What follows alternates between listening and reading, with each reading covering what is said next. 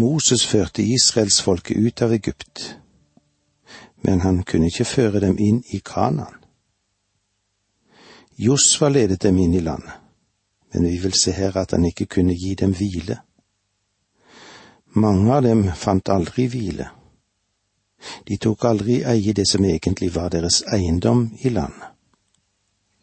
Verden, kjødet og djevelen berøvet mange av dem fra den velsignelsen som Gud hadde tiltenkt dem. Du og jeg, ja, hvordan det med oss, jo, vi lever i en ond og kynisk verden. Denne verden stiller seg ikke vennlig til nåden. Den er ikke troens venn, eller den troendes venn. Vi er mange som egentlig ikke har oppdaget dette enda. La oss se hva det står i Hebreerbrevet 4.3. Det er vi som går inn til hvilen, vi som tror. Han sa jo, så sverget jeg i min vrede, de skal aldri komme inn til min hvile. Guds verk var riktignok fullført allerede da verden ble skapt. Her taler altså han om frelsens hvile, hvilen ved å stole på Kristus.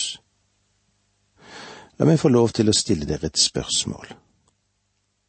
Se at du kjente en mann som bekjente seg som en kristen, og som du virkelig trodde var en gjenfødt troende, og han så plutselig sluttet å leve det kristne livet, og begynte å oppføre seg som alle i verden for øvrig. Han sluttet å gå i kirken, han sluttet å gi til Herrens sak, og stoppet all deltakelse i kristen aktivitet. Ville du da tro at han hadde mistet sin frelse? Om nå denne personen var deg, ville du ha følt at du hadde mistet din frelse? Om du tror at dette ville ta fra deg din frelse, får jeg da si til deg at langt bak i din bevissthet og dypt nede på bunnen av ditt hjerte, så stoler du ikke virkelig på Kristus. Du tror at disse aktivitetene legger noe til din frelse, men det gjør de ikke. Du må helt og fullt stole på Kristus. Nå må du ikke misforstå meg. Jeg tror at om du stoler på Kristus, så vil du gjøre gode gjerninger. Men det det har med å gjøre her, er ingenting i hele verden som har med din frelse å bestille. Har eh, du virkelig gått inn til hvilen? Spørsmålet ditt, og det er du som må svare. Hvordan har du det? Når vi ser i vers tre, så minner, minner det oss om at Guds skapegjerning, den var fullført. Ja, den var fullført fra verdens skapelse. Og da var hans hvile tilveiebrakt. Så ble himmelen og jorden med hele sin hær fullendt. Skaperverket hviler i Guds allmektige vilje. Og dette har altså, som vi har sagt før, ikke noe med aktivitet å gjøre. Men Gud gir selv alle liv og ånde og alle ting. For i ham er det vi lever og rører oss og er til, som det står i apostlenes gjerninger.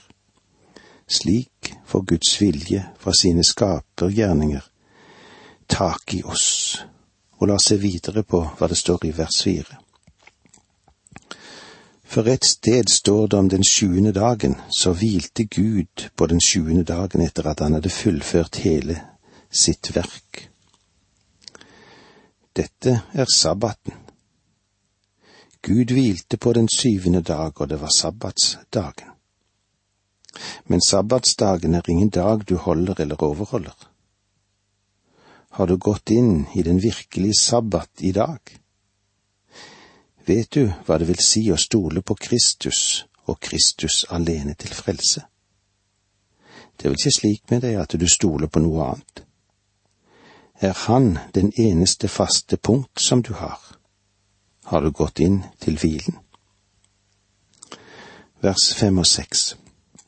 Men her sier han, De skal aldri komme inn til min hvile. Altså er det ennå slik at noen skal komme inn til hvilen. De som først fikk det glade budskap, kom ikke inn, for de var ulydige. De er vantro eller det er ulydighet som røver fra deg frelsens hvile, som tar fra deg hvilen ved det, den tilfredshet og den velsignelse som Gud kan gi deg. Hvilken vidunderlig hvile han egentlig ønsker å gi til oss alle sammen. Vers syv. Derfor fastsetter han en ny dag. Det er det han gjør når han lang tid etter gjennom David taler det ordet vi før har nevnt. I dag, om dere hører hans røst, så forherd ikke deres hjerter. Han sier altså ikke i morgen, men i dag. I dag er dagen du og jeg har. I dag, nettopp nå hvor du enn er, se på klokken din. Hvilken tid er det? Vel, dette er frelsens tid. Nettopp nå kan du stole på Kristus til din frelse. I dag, om dere hører Hans røst, så forherd ikke deres hjerter. Josva han førte nok folket inn i det lovede lands hvile, som vi ser i vers åtte. Hadde Josva ført folket inn til hvilen, ville ikke Gud senere ha talt om en annen dag. Og det var altså i dette lovede landet når David så lang tid etter ved Den hellige ånd talte om en annen dag. Jeg vet ikke om du husker hva Josva heter på gresk, det er Jesus. Og Josva her er nevnt som et forbilde på Jesus. Josva kunne bare lede sitt folk til, jordisk, til et jordisk arv etter Guds løfte. Men Jesus er den som fører fører frem til en banet vei for Guds folk, til den evige fulle hvile, som er etter Guds løfte. Ja, Josva, han har jo begrepet, kan du si, det som betyr frelse, på en måte. Jesus er det greske, eller det nytestamentlige ord som betyr frelse. Og her skulle det være Josva. Hadde Josfa ført folket inn til hvilen, ville ikke Gud senere ha talt om en annen dag. Da Josfa var gammel og midt av dage, var det fremdeles mye land som ikke var erobret. Israelsfolket hadde ikke gått inn i alle de velsignelser som Gud hadde beredt for dem. Josva var ikke i stand til å sikre den det. Men om du stoler på Kristus, så kan Han en dag føre deg inn i dagens Kanan, og der vil du få merke frukt og velsignelse og glede i ditt liv. Og dette trenger vi sannelig alle sammen i dag. Hva er det som hindrer deg i å gå inn i alt dette? Vantro. Vers 9. Altså er det fremdeles en hviledag i vente for Guds folk. Her ser forfatteren inn i fremtiden når alt Guds folk skal finne en himmelsk hvile. Himmelen skal være et sted der den dype tilfredshet, den virkelige glede og den reelle velsignelse skal være vårt i fullt mon. Altså er det fremdeles en hviledag i vente for Guds folk vers 10 Den som kommer inn til hans hvile, får jo hvile fra sine gjerninger, like som Gud hvilte etter sine gjerninger. Vi burde ikke la dette, det inntrykket sitte i oss at da Gud hvilte på den syvende dag, så satte han seg ned og sa du verden så trøtt jeg er.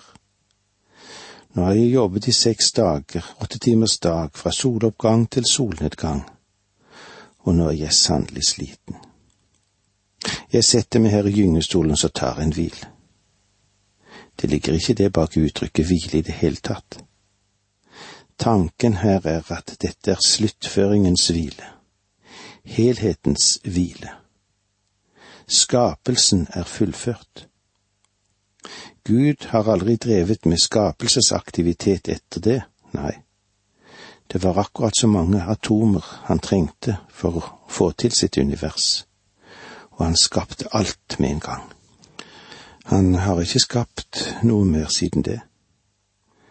Men ganske store forandringer har funnet sted i universet etter det. Men det er bare disse opprinnelige små atomene som omgrupperer seg selv. Vers ti, den som kommer inn til hans hvile, får jo hvile fra sine gjerninger, like som Gud hvilte etter sine gjerninger. Guds folk må arbeide og kjempe. Det er alltid en stridende og lidende menighet, som i tro må vente på den tid da all kamp er slutt, og hvor den endelige seier er. Selv om denne hvile kommer etter dette livet på jorden, er jeg Guds folk del i den og begynner å erfare den her og nå.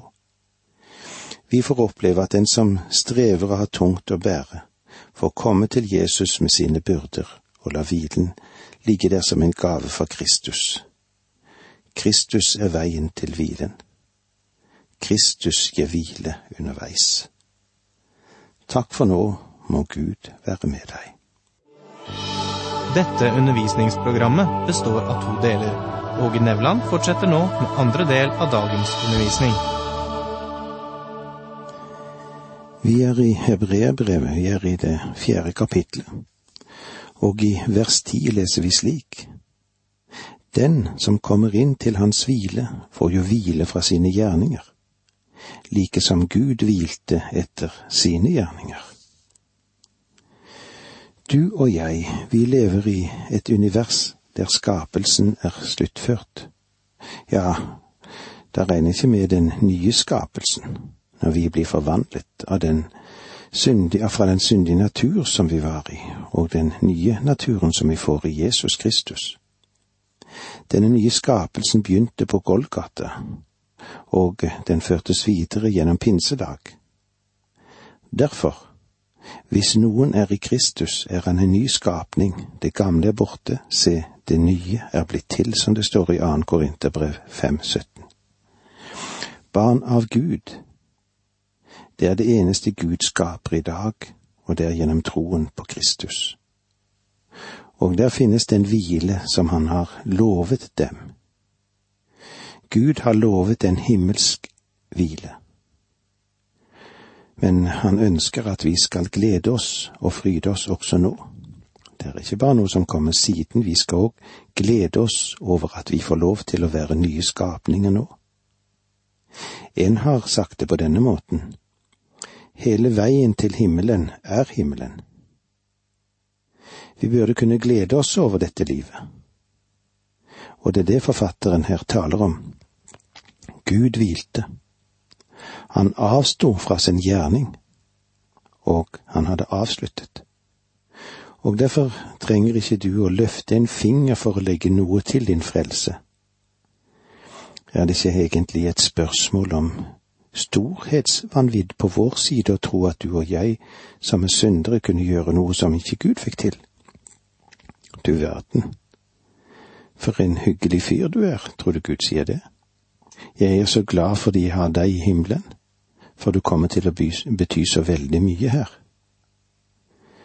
Det er ikke en slik situasjon i det hele tatt. Han har gjort alt for oss. Selv vår rettferdighet er som skitne filler i hans øyne. Han kan ikke akseptere vår rettferdighet, og årsaken er at vi faktisk ikke har noen. Der finnes ingen som er rettferdige, ikke én, står det i Romerbrevet 3.10 og derfor tilbyr han en fullbyrdet frelse.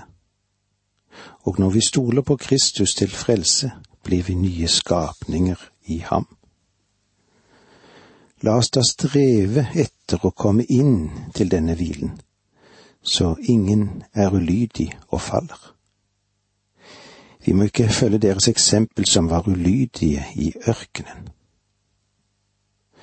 Jeg tror at den fulle tilfredsstillelse som kan møte et Guds barn, er at han er i Guds vilje. Han gjør Guds gjerning, og han stoler på og hviler i ham.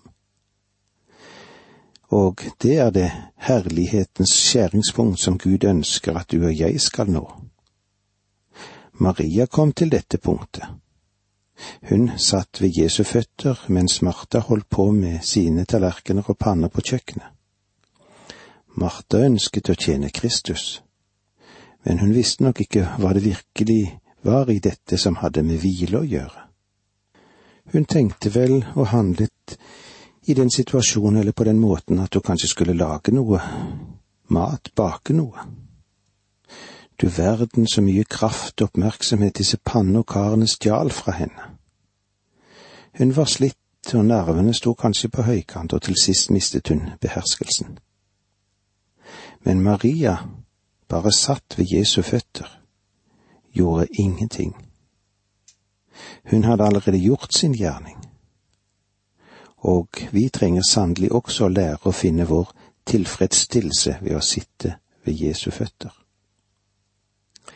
La oss da streve for å komme inn til denne hvilen. Noen vil da kanskje si det på denne måten, må jeg arbeide for å komme inn den, til denne hvilen? Ja, det er omtrent som skrotten som sa at han ville ha fred i hjemmet om han så skulle kjempe for den. Kjempe for fred. Ja, og jeg skulle ønske at vi i Norge hadde lært den leksen. For jeg sier at du må vinne en krig før du kan ha fred. Du må vinne en seier før du kan ha fred. Han sier her, la oss arbeide for å kunne hvile. Det er jo slik når vi kommer hjem etter en slitsom arbeidsdag, og så sette seg ned. Er det da ingen tilfredshet i det du har gjort i dag? Trenger vi å gripe tak i Gud? Gripe tak i ham gjennom bønn og i tro og bli brukt av ham? La oss arbeide mot fullendelsen. Kanskje vi òg kan si det på denne måten. Guds barns liv her i verden er som en arbeidsuke, og vi har hvilen i vente. Mens Israels folk ble negativt vitne til sannheten av Guds ord og løfte, så kalles Guds folk i dag til å bli positive vitner. Som det sto i den gamle oversettelsen, la oss derfor gjøre oss umak Israel fikk manna fra himmelen og vann fra klippen i ørkenen. Guds folk får brødet fra himmelen og det levende vann fra Guds ord. Men som Israel hver dag måtte hente mannen, må vi daglig hente brødet fra himmelen. Det er å gjøre oss umak med å leve av ordet. Ta det ikke så makelig med å høre og lese og tilegne deg Guds ord. Du må ikke bare lese løftene, men du må ta imot hele Guds sannhet. Det er å gjøre seg umak. Som mannen var en himmelgave, som hver enkelt måtte hente til seg selv og sine. Slik er brødet fra himmelen i Bibelen mat for sjelen, som hver dag må hentes. Det må hentes hver dag. Hvordan gjør vi oss umak så vi kan nå frem til hvilen. Vi må ikke følge israelittenes eksempel som var ulydige i ørkenen. Det eneste i verden som kan røve fra deg denne hvilen, hva er det? Jo, det er vantroen, ulydigheten. Kanskje det burde være en del av vår daglige bønn. Gud, hjelp meg til å stole på deg. Jeg ser tilbake på livet som jeg har levd så langt og jeg må si det jeg angrer mest på, er at jeg ikke stolte mer på ham. Mange ganger var jeg så full av bekymringer og frykt og vantro. Så i dag ønsker jeg simpelthen å lene meg tilbake og stole på ham. Han er en vidunderlig herre. Han er verd all vår tillit. Skal vi se på neste verset, vers tolv i kapittel fire for Guds ord er levende og virkekraftig og skarpere enn noe tveget sverd. Det trenger igjennom til det kløver sjel og ånd, marg og ben, og dømmer hjertets tanker og planer. For Paulus brukte ordene derfor og for som sement for å holde sammen sine argumenter. Noen har sagt, uansett hva du vil si om Paulus, så må du erkjenne at Paulus er logisk. Paulus, han var en stor logiker, og det er en av grunnene til at jeg kan, kanskje ikke helt vil slippe taket på at Paulus kan ha vært forfatteren av dette brevet. For det er jo et ganske lite ord, men det er også et stort ord. Noen har sagt at Gud dreier store dører på små hengsler. Her er et av disse små hengslene, men det er en stor dør som er hengt opp på det. Guds ord. Noen tolkere som anser at ord her ikke har å gjøre med det skrevne ord, men med det levende ord, det som er Jesus Kristus. Men i Bibelen blir det beskrevne ord kalt det levende ord. Og jeg tror at henvisningen her er primært til Guds skrevne ord. På samme måte som det skrevne ord åpenbarer Kristus. Det er en ramme som åpenbarer den levende Kristus. Så kan henvisningen her gå i både retning av det skrevne og av det levende ord. Levende, levende, det er et viktig ord her. Guds ord er levende, virkekraftig. Det greske ordet er energis, som betyr å gi kraft. Guds ord er levende, og det gir kraft. Skarpere enn noe tveegget sverd. En gammel, vis, klok predikant sa i en forelesning. Husk at når du forkynner Guds ord, så er det det levende og virkekraftige, men merk deg også at det er to egger. Det vil skje i forhold til menigheten din, men den andre siden vil også skjære deg. Derfor, forkynn aldri noe som du ikke først har forkynt for deg selv. Det er en erfaring jeg har gjort mange ganger i livet mitt. Kanskje en preken hadde retning mot min menighet, men ofte hendte det at jeg syntes at den eneste virkningen den hadde, den var på meg selv. Og det var det vi fikk med oss i dag. Takk for nå, må Gud være med deg.